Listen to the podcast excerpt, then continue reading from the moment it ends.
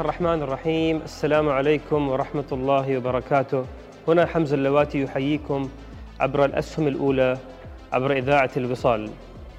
كان الحديث خلال الأسابيع الماضية حول آخر تطورات وعدة مواضيع شهدناها حاورنا فيها مختصين وممثلين عن الهيئة وكذلك عن بورصة مسقط. وفي هذا الأسبوع إن شاء الله بعد إجازة العيد نواصل برنامجنا بمحتوى تثقيفي عن الاستثمار. عله إن شاء الله يفيد في زيادة الوعي الاستثماري لدى متابعينا عبر البودكاست وتويتر وكذلك عبر اليوتيوب. بداية قبل أن أبدأ في الموضوع نشارككم آخر الأخبار آه، باختصار شديد. تبدأ الشركات المساهمة آه، في البورصة الإعلان عن نتائجها النصف السنوية للنصف الأول من عام 2023 في الفترة ما بين 1 يوليو إلى 15 يوليو. طبعا الأنظار تتجه نحو القطاع المصرفي كونه قطاع مهم جدا في السلطنة والنتائج الإيجابية لهذا القطاع قد تعكس أيضا تحسن في الحركة التجارية لدى كثير من الشركات في مختلف القطاعات. كذلك قطاع الطاقة وبالذات بعد إدراج شركة أبراج للطاقة الناس والمستثمرين ينتظرون نتائجها للربع الثاني والنصف السنة الأولى من 2023 كذلك قطاعات أخرى مثل الصناعة وقطاع الاتصالات. هذه النتائج الإيجابية قد تدفع بالمؤشر للوصول إلى حاجز 5000 نقطة. فهل سيواصل المؤشر ارتفاعه إلى 5000 نقطة والاختراق؟ علما أن اليوم تاريخ 3 يوليو مؤشر بورصة مسقط الآن يتداول على 4798 نقطة. بإجمالي حجم تداول وصل إلى 9 مليون آه، سهم بقيمة أكثر من 3 مليون ريال عماني. ارتفاع كبير شهدناه في أحجام التداولات وقيم التداولات في البورصة منذ الأسبوع الماضي قبل إجازة عيد الأضحى المبارك. عالميا واصل مؤشر ناسداك ارتفاعه في جلسة يوم الجمعة تاريخ 30 يونيو.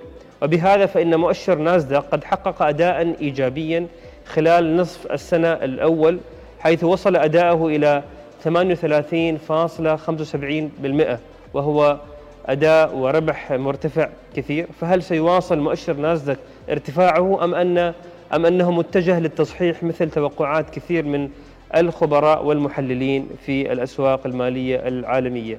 موضوعنا اليوم بيكون عن أبرز الأخطاء في عالم الاستثمار. هنالك أخطاء كبيرة وأخطاء صغيرة ولكنها تبقى أخطاء. هذه الأخطاء كل ما آه، تجنبناها وابتعدنا عن عنها كل ما كانت فرصنا لتحقيق الثراء والوصول للحرية المالية وأن تكون استثماراتنا ناجحة كانت باحتمالات أكبر. هذه الأخطاء لا ترتبط فقط بأسواق المال. هذه الأخطاء ترتبط بالاستثمار أيا كان سواء كان عندك استثمار في البورصة أو كان عندك استثمار في مجال العقار أو كان عندك استثمار في الشركات المتوسطة أو الشركات الصغيرة أو الشركات الناشئة العقلية والأهداف هي نفسها طريقة التفكير هي نفسها. هذه إذا غيرناها وإذا أحسننا آه، اختيار طرق التفكير المناسب للاستثمار. احتمالات نجاحنا بتكون بكل تأكيد احتمالات أكبر وأعلى. أولا لا نستثمر بدون تحديد هدف استثماري محدد. يعني على سبيل المثال أنت لما تذهب لأي استثمار وعندما تريد أن تبدأ أي استثمار ينبغي عليك أن يكون عندك هدف استثماري. وهذا الهدف الاستثماري ينبغي أن يكون محدد بعوامل آه، معينة. مثلا على سبيل المثال الغاية من الاستثمار. ما هو هدفك من الاستثمار؟ ينبغي أن تبين هذا الشيء. هل هو لإيجاد مثلا دخل ثانوي؟ يساعدك على مثلا آه، يعني مواجهة أعباء الحياة ومشاكلها وصعوباتها؟ أم هو فقط هدفك لنمو الأموال دون تدخلك؟ أنك تضع هذا الاستثمار لمدة عشر سنوات 15 سنة وتنتظر من قيمة هذا الاستثمار أن يزيد. فينبغي عليك أن تحدد الغاية من الاستثمار ما هو هدفك الحقيقي من الاستثمار. ثانيا ينبغي عليك أن تحدد أيضا المدة الزمنية التي تناسبك بأن تستثمر بها أموالك. هل هذه المدة سنة واحدة سنتين ثلاثة أربعة عشرة عشرين؟ لأنه بناء على المدة الزمنية ينبغي عليك أن تختار المنتج الاستثماري المناسب لك. ثالثا نسبة الربح المستهدفة هل أنت تستهدف ربح مثلا 4% آه، سنويا 5% سنويا 6% سنويا أو 10 أو 20 طبعا يعني مهم جدا أنك تحدد نسبة الربح اللي تريدها أنت أن تستهدفها لأنه بناء على ذلك أنت أيضا ستختار المنتجات الاستثمارية أو الأدوات الاستثمارية المناسبة لتحقيق هذا ال هذا ال هذا الربح. من إحدى أكثر الأخطاء أيضا اللي أتمنى من المتابعين أن لا يقعوا فيها هو الاستثمار بناء على ما يتداول في الجلسات أو على وسائل التواصل أو ما نسميه بالترند أو الهبة. هذا يمكن أكبر خطأ ممكن أن تقع فيه لأنه هذا ليس استثمارا آه، بناء على قناعتك أنت أو ما تريده بل هو عبارة عن ضغط من المجتمع على عقلك اللاواعي لإنفاق مبالغ فيما يرونه هم مناسبا وليس فيما تراه أنت مناسبا. لذلك في الاستثمار من المهم جدا أنك آه، تحاول أن تفكر على بهدوء بعيدا عن الضغوط بعيدا عن ما يتداول في وسائل التواصل أو في المواقع والجلسات. وفكر أنت وين تريد توصل مثلا بعد خمس سنوات أو بعد عشر سنوات. إذا أنت مثلا محتاج آه، معدل ربح سنوي 5-6% وهذا يناسبك إذا توكل على الله واختار المنتج الاستثماري أو الطريقة الاستثماري اللي تحقق لك هذا الغاية وهذا الهدف. آه، كون بعيد دائما عن آه، ضغط الناس وعن ما يريدونه هم أو ما يتداولهم لأنه هذا ليس بالضرورة يناسب أو يوائم تطلعاتك وأهدافك. من الأخطاء الأخرى أيضا في مجال الاستثمار هو قلة الصبر أن الناس مستعجلة على تحقيق الثروة أو على تحقيق الربح. وقلة الصبر هذه ممكن تؤدي إلى أنه ناخذ أخطاء أنه نتخذ أخطاء نتخذ قرارات خاطئة. باختصار أن الاقتصاد حتى أشرح لكم يمر بعدة دورات. الاقتصاد يمر بدورات فيها تكون الأصول أسعارها رخيصة أقل من قيمتها الحقيقية. وكذلك يمر في بعض الدورات اللي تكون فيها أسعار الأصول الاستثمارية آه، أسعار مبالغ فيها بشكل كبير. سواء كانت أراضي أو كانت أصول مالية مثل الأسهم أو غيرها. العجلة والاستثمار بينما أنت في دورة اقتصادية فيها الأصول مرتفعة أسعارها بشكل كبير أو في قمتها قد تكلفك الكثير حتى لو كان الأصل جيد. مثلا أرض ممتازة أرض سكني تجاري وأرض في موقع مميز ولكن طالما أنت دفعت لها أكثر من قيمة السوقية العوائد التي تجنيها من تلك الأرض قد لا تكون عوائد إيجابية قد تكون سلبية. لذلك فإن عدم استثمارك في مثل تلك الظروف قد يكون أفضل من الاستثمار والمجازفة. مثلا نأخذ مثال عندنا في السلطنة وكذلك في دول الخليج. أنا أذكر عندنا في السلطنة آه، بين عام 2006 إلى 2012 أو 2013 شهدنا يعني موجة ارتفاع في تقييم كثير من الأراضي والعقارات. طبعا الكثير سارع في شراء كثير من الأراضي في قمتها أو العقارات. وبعدها طبعا مثل أي دورة اقتصادية حصل انهيار أو حصل هبوط. إذا ما حصل انهيار حصل هبوط في أسعار كثير من الأراضي. وإلى يومنا هذا في 2023 بعض الأراضي تقييماتها لا زالت دون التقييم الذي وصلت له في عام 2008 أو خلال تلك الحقبة. لذلك إذا أنت كنت مشتري شيء غالي كثير في 2008 و2006 إلى الآن 2023 أنت لم تصل لقيمة اللي اشتريت فيها هذا يمثل عائد سلبي. لذلك في بعض الأحيان عند دراسة الاقتصاد عدم الاستثمار والاكتفاء باستثمار بسيط ذات عائد قليل أفضل من المجازفة والاستثمار في قمة الدورة الاقتصادية. هذا هذا الشيء أيضا حصل لو تتذكرون قبل سنتين في عام 2020 و2021 أثناء جائحه كورونا الأسواق المالية العالمية نزلت هبوط وبعدها ارتفعت بشكل كبير. لما ارتفعت الأسواق المالية أيامها كانت هنالك هبة أو كان هنالك توجه للسيارات الكهربائية، كانت بدايات انطلاقها. كثير من آه، يعني أسهم الشركات الكهربائية ارتفعت بشكل كبير، بعضها وصل إلى 900% و800%. وبعد ذلك في عام 2022 انهارت كثير من أسهم آه، آه، الشركات اللي هي تصنع السيارات الكهربائية في عام 2022 وإلى الآن في عام 2023 لم تصل تلك الأسهم إلى التقييمات التي وصلت لها في في 2020 و2021 وقد لا تصل ابدا لأن بعض الشركات قد لا تكون أصلا آه، شركات ربحية.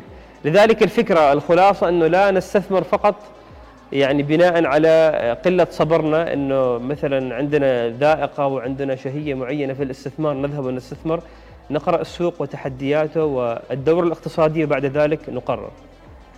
طبعا إذا لست مطلعا هذه نقطة ثالثة وهذه أيضا شيء مهم جدا إذا لست مطلعا على عالم الأسواق المالية ولا تجيد قراءة بيانات الشركات وتحليل أدائها ابتعد تماما عن الاستثمار في أسهم الشركات. لأنه أنت لما تشتري أسهم شركات أنك كأنك أنت شريك في تلك الشركة. الشريك عادة في أي شركة يدرك ما يدور في تلك الشركات يدرك ما يحصل فيها. وطبعا الشركات المساهمة العامة كل ما يدور فيها وكل قراراتها بياناتها المالية معروضة موجودة. ولكن هل أنت عندك القدرة على قراءة القوائم المالية ومتابعة الاجتماعات وقرارات الجمعية العامة وغيرها؟ إذا كانت لديك القدرة على التحليل المالي وتحليل الشركات وأدائها فتوكل واستثمر فيما تقتنع فيه أنت ولكن إذا لم تكن عندك هذه المهارات وهذه القدرات أو حتى وقتك لا يسعفك فابتعد عن الاستثمار في أسهم شركات معينة بحد ذاتها. وبدلا من ذلك اتجه للاستثمار نحو الصناديق المشتركة. الصناديق المشتركة تكلمنا عنها سابقا في الأسهم الأولى الموسم الأول هي عبارة عن صناديق تحتوي على مجموعة من أسهم الشركات آه، بشكل متوازن بحيث على أنه أنت ما عندك خطورة استثمار في شركة بحد ذاتها. فالمخاطر نوعا ما متقسمة على كل الأصول المدرجة في ذلك الصندوق الاستثماري. نقطة مهمة أيضا كثير من المستثمرين أول ما يبدأون الاستثمار يسأل عن العائد. أنا مثلا أريد أشتري هذا العقار أو أريد أشتري هذا السهم أو هذا المنتج الاستثماري. أول ما نسأله ما هو العائد على هذا الاستثمار؟ وباعتقادي هذا أيضا من الأخطاء اللي نحن ما ننتبه لها. قبل أن تسأل عن العائد اسأل عن عودة رأس مالك احتمالية خسارتك لجزء أو كل رأس مالك. ومثل ما يقال في اللغة الإنجليزية return of capital is more important than return on capital. يعني عودة رأس المال أهم من العائد على رأس المال. طبعا هذا لا يعني إغفال العائد على رأس المال ولكن هذه القاعدة يعني مستنبطة من القاعدة الاستثمارية المهمة اللي تقول أن القاعدة الأولى لا تخسر رأس مالك والقاعدة الثانية لا تنسى القاعدة الأولى. عندما تفكر بهذه الطريقة وعندما تفكر بهذا الذهنية دائما قراراتك بتكون قرارات آه، متجهة للصواب بشكل أكبر. يكون عندك حرص يكون عندك تمهل ويكون عندك رؤية واضحة في ماذا تريد أن آه، تفعل وإلى أين تريد أن تصل. خامسا آه، من الأخطاء الشائعة هو الاقتراض من أجل الاستثمار في الأصول المالية المتذبذبة. البعض يقترض لكي يستثمر في الأسهم. البعض يقترض لكي يستثمر في السندات. البعض يقترض لكي يستثمر في صناديق الأسهم المشتركة. البعض يقترض لكي يكتتب في أسهم آه، ستصدر مثلا آه، بشكل آه، يعني جديد. فكرة الاقتراض من أجل الاستثمار في أي أصل متذبذب هي فكرة خطرة جدا. الأصول المتذبذبة تتذبذب وتتغير أسعارها بين ليلة وضحاها فإن أنت عندما تقترض وهذا الاقتراض أيضا تدفع فائدة للبنك أو المؤسسة المالية اللي أنت تقترض منها. وتخيل على أنه استثمارك في الأسهم اتجه سلبا اتجه يعني بشكل سلبي. فحين ذاك أنت تدفع تحقق يعني خسارتين خسارة الفائدة اللي تدفعها للبنك وكذلك خسارة الاستثمار اللي خسرته. لذلك أنا أنصح بالذات المستثمرين الصغار الابتعاد عن الاقتراض من أجل الاستثمار في الأصول المتذبذبة المالية لأنه فيها مخاطر عالية جدا. سادسا البعض عندما يتحمس الاستثمار كل النقد اللي موجود معه أو كل الكاش اللي موجود معه يفرغه يقول أنا بحطه كله في الاستثمار أفضل أني أحط أموالي في الاستثمار. وطبعا هذه أيضا من الأخطاء الشائعة الخاطئة. لأنه أنت ينبغي عليك دائما في محفظتك الكاملة الاستثمارية والنقد انه يكون عندك جزء من النقد لأن مثل ما ذكرنا في النقطة الأولى الاقتصاد يمر بمراحل ودورات. فإذا ما عندك نقد خلال الدورة اللي يكون فيها الاقتصاد في نوع من التباطؤ وفي نوع من انهيار آه، الأصول المالية وأسعارها وتقييمها فهي فرصة لك أنك تستغل النقد اللي عندك أنك تشتري. لذلك دائما حدد لنفسك نقد آه، بحد معين يكون متواجد معك بكل الأحوال حتى تستطيع أن يعني تستفيد من الفرص اللي هي متوفرة في دورات الاقتصاد كلها. سابعا ال ال الاستثمار في مجال لا تعرف عنه شيئا هو من الأخطاء الشائعة. أنت مثلا في مجال لا تعرف عنه شيء مجال معقد تكنولوجي أو غير تكنولوجي لكن أنت ما تعرف عنه شيء. فالوقوع في هذا الاستثمار آه، الذي لا تعرف عنه شيء ولا وتعتمد فقط على المعلومات التي تقال لك هو أيضا بحد ذاته في خطورة وبحد ذاته خطر دائما استثمر في شيء أنت تفهمه أنت تعيه ولو كان هو شيء بسيط. وهنالك مثل يقول لك آه، أنك إذا كان الاستثمار شيء غير مفهوم لك أو لا أو أنت غير قادر على فهمه أو على فهم طريقة عمل الشركة ابتعد عنه تماما. فهذه من الأمور أيضا المهمة بالذات في عالمنا الحالي اللي تكثر فيه المنصات اللي اللي توفر الاستثمار في العملات الرقمية أو في ال NFTs اللي هي الرموز الغير قابلة للاسترداد. كثير من هذه الأشياء معقدة. كثير من هذه الأشياء غير قادرين حتى اصحاب اللي يروجوا للمنتج أن أن يشرحوها أن يشرحوا للناس. فمثل هذه الحالات ابتعد تماما عن مثل هذه الاستثمارات. ثامنا من أحد الأخطاء الشائعة هو الاستثمار بدافع العاطفة أو العواطف وهذا قد يأخذ أكثر من شكل. على سبيل المثال أنت مثلا معجب بشخصية إيلون ماسك اللي هو مؤسس شركة تسلا وسبيس إكس. فبما أنك أنت معجب بمثل بتسلا أو بإيلون ماسك كشخصية تذهب وتتخذ قرار أنك تستثمر في كل شركاته أو الشركات اللي هو أسسها بناء على إعجابك بشخصه. وطبعا هذا غير آه، يعني هذه ليست آه، فكرة سديدة أو فكرة قابلة لأنه نحن ناخذها أو نبتلعها الاستثمار، الاستثمار ينبغي أن يكون بدوافع عقلية، بدوافع آه، مالية، بدوافع الواحد ممكن يحللها ويعني يتوقع منها عائد وليس بدافع العاطفة. أيضا من إحدى ظواهر الاستثمار بدافع العاطفة على إنك أنت مثلا شفت شخص شفت أخوك شفت صديقك انه مثلا استثمر في شيء معين وحقق ربح فأنت قلت بدافع العاطفة الشخص الفلاني مثلا دخل في مجال التطوير العقاري مثلا أو مجال آخر وهو حقق أرباح أنا أيضا بدخل. هو يختلف يمكن هو عنده مقومات أنت لا تملكها هو عنده معلومات أنت لا تملكها فالاستثمار بدافع العاطفة أو تقليد أيضا من الأخطاء المنتشرة والشائعة والتي ينبغي علينا أن نكون جدا حريصين في عدم تتبعها. تاسعا من أحد الأخطاء المنتشرة أيضا دفع قيمة عالية لأصل مالي جيد. يعني على سبيل المثال سهم شركة قوية. شركة قوية تعمل أرباح وكل معطياتها المالية ممتازة 100% تذهب وتدفع آه، لسهمها سعر أعلى من قيمته العادلة أو القيمة الحقيقية. يعني مثلا لو قيمة العادلة لهذا السهم ريال تذهب وأنت تشتري السهم على ريالين. وإن كان هذا السهم وهذه الشركة شركة ناجحة ولكن أنك تدفع سعر مبالغ فيه هو هو أكثر من القيمة العادلة لسهم تلك الشركة فهذا خطأ. وهذا أيضا يساعد على خسارتك وأنك أنت قد لا تحقق عوائد مالية إيجابية. دائما حاول تدفع أقل من القيمة المالية العادلة. دفعك لسعر مبالغ فيه أو مرتفع لأي أصل مالي سواء كان عقار أو سهم هو كفيل أنه قد يخفض من توقعاتك الربحية أو قد أيضا يساعد في خسارتك في ذلك الاستثمار. أخيرا ونقطة مهمة جدا قبل أن نختم حلقتنا التسرع في آه، الوصول للثراء. الثراء آه، ليست خطوة ولكن هي رحلة وهذا الرحلة تتضمن خطة تتضمن طريق تتضمن مجموعة عوامل حتى تصل إليها في النهاية اللي هي الثراء أو الحرية المالية. لذلك أنك تتسارع أو تتسرع في آه، التكسب السريع والثراء السريع هذا يخلق لديك عقلية تبحث عن الربح السريع، عقلية الربح السريع بطبيعة الحال هي عقلية مجازفة، عقلية مخاطرة، تبحث عن استثمارات مثلا عائدها 20 30% ولمعلوماتكم معظم الاستثمارات اللي عوائدها عوائد أكثر من 10% يعني 15 20 30 معظمها استثمارات في كثير منها آه، تخسر حتى في تخسر رأس مالك. لذلك ينبغي عليك أن تعرف حقيقة وتعرف فاكت مثل ما يسمون باللغة الإنجليزية على انه الثراء لا يحصل بين ليلة وضحاها. يتطلب جهد يتطلب معرفة يتطلب قراءة ووعي وبعدها تستطيع فقط عندما يعني تقوم باتباع هذه التعليمات وهذه العناصر أن تصل للثراء الذي الذي ترجوه أو للحريه المالية. الكثير من الناس خلال السنوات الماضية اللي نستفيد من تجاربهم اتجهوا لهذا الطريق اللي هو الثراء السريع واتجهوا لاستثمارات آه، خطرة.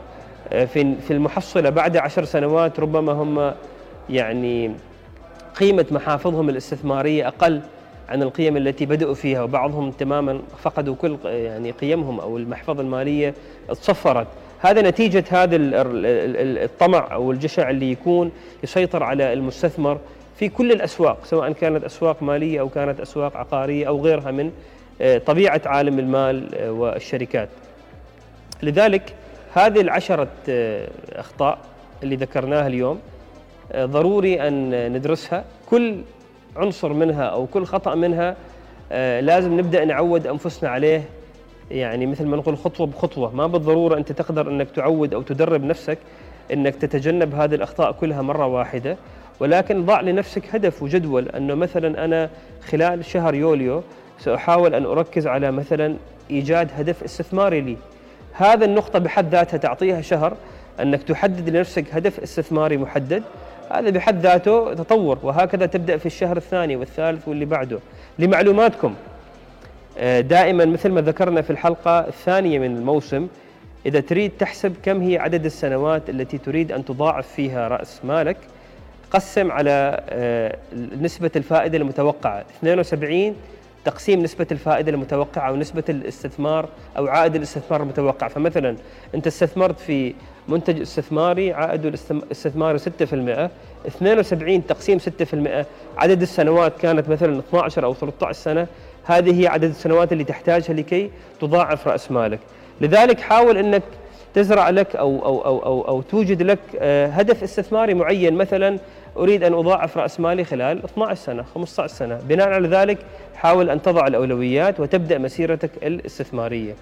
هنالك أيضا خبر جميل للسادة المشاهدين والمتابعين عبر تويتر آه، الرعاة آه، للأسهم الأولى بورصة مسقط الهيئة العامة لسوق المال شركة مسقط للمقاصة وكذلك إذاعة الوصال ارتأوا أن يعملوا مسابقة لإشراك الجميع في هذا البرنامج. هذه المسابقة ستكون عبر منصة تويتر وكذلك عبر الإنستغرام. وهنالك سؤال طرح آه، اليوم آه، للمشاركة في المسابقة. طبعا المسابقة هذه لها آه، لها جوائز وإن شاء الله تكون جوائز يعني قيمة. فنتمنى منكم المشاركة. وسؤال هذا الأسبوع هذا الأسبوع اللي هو موجود على منصة تويتر ما هي أولى خطوات الاستثمار في بورصة مسقط؟ طبعا في يعني إجابتين ألف وباء.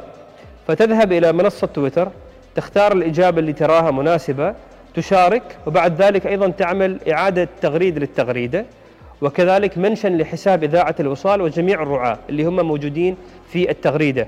وبعد ذلك سيتم عمل القرعة إن شاء الله في حلقة يوم الأربعاء القادمة وسنعلن عن الفائز وسنعلن عن الفائز في المسابقة باسمه وكذلك عن الهدية التي سيتلقاها. تابعونا وكونوا بالقرب معنا عبر الأسهم الأولى عبر إذاعة الوصال. الأسبوع القادم إن شاء الله سنشهد حوارات مع شركة مسقط للمقاصة والإيداع. بدءا واستعدادا للاكتتاب المتوقع آه، في نهاية هذه السنة أو في الربع الثالث من هذه السنة في بورصة مسقط. هذا الأسبوع يوم الأربعاء سنواصل معكم آه، حلقة أخرى عن آه، معلومات استثمارية محتوى استثماري تثقيفي. شكرا لكم. هذا حمزة اللواتي يحييكم عبر الأسهم الأولى. السلام عليكم ورحمة الله وبركاته.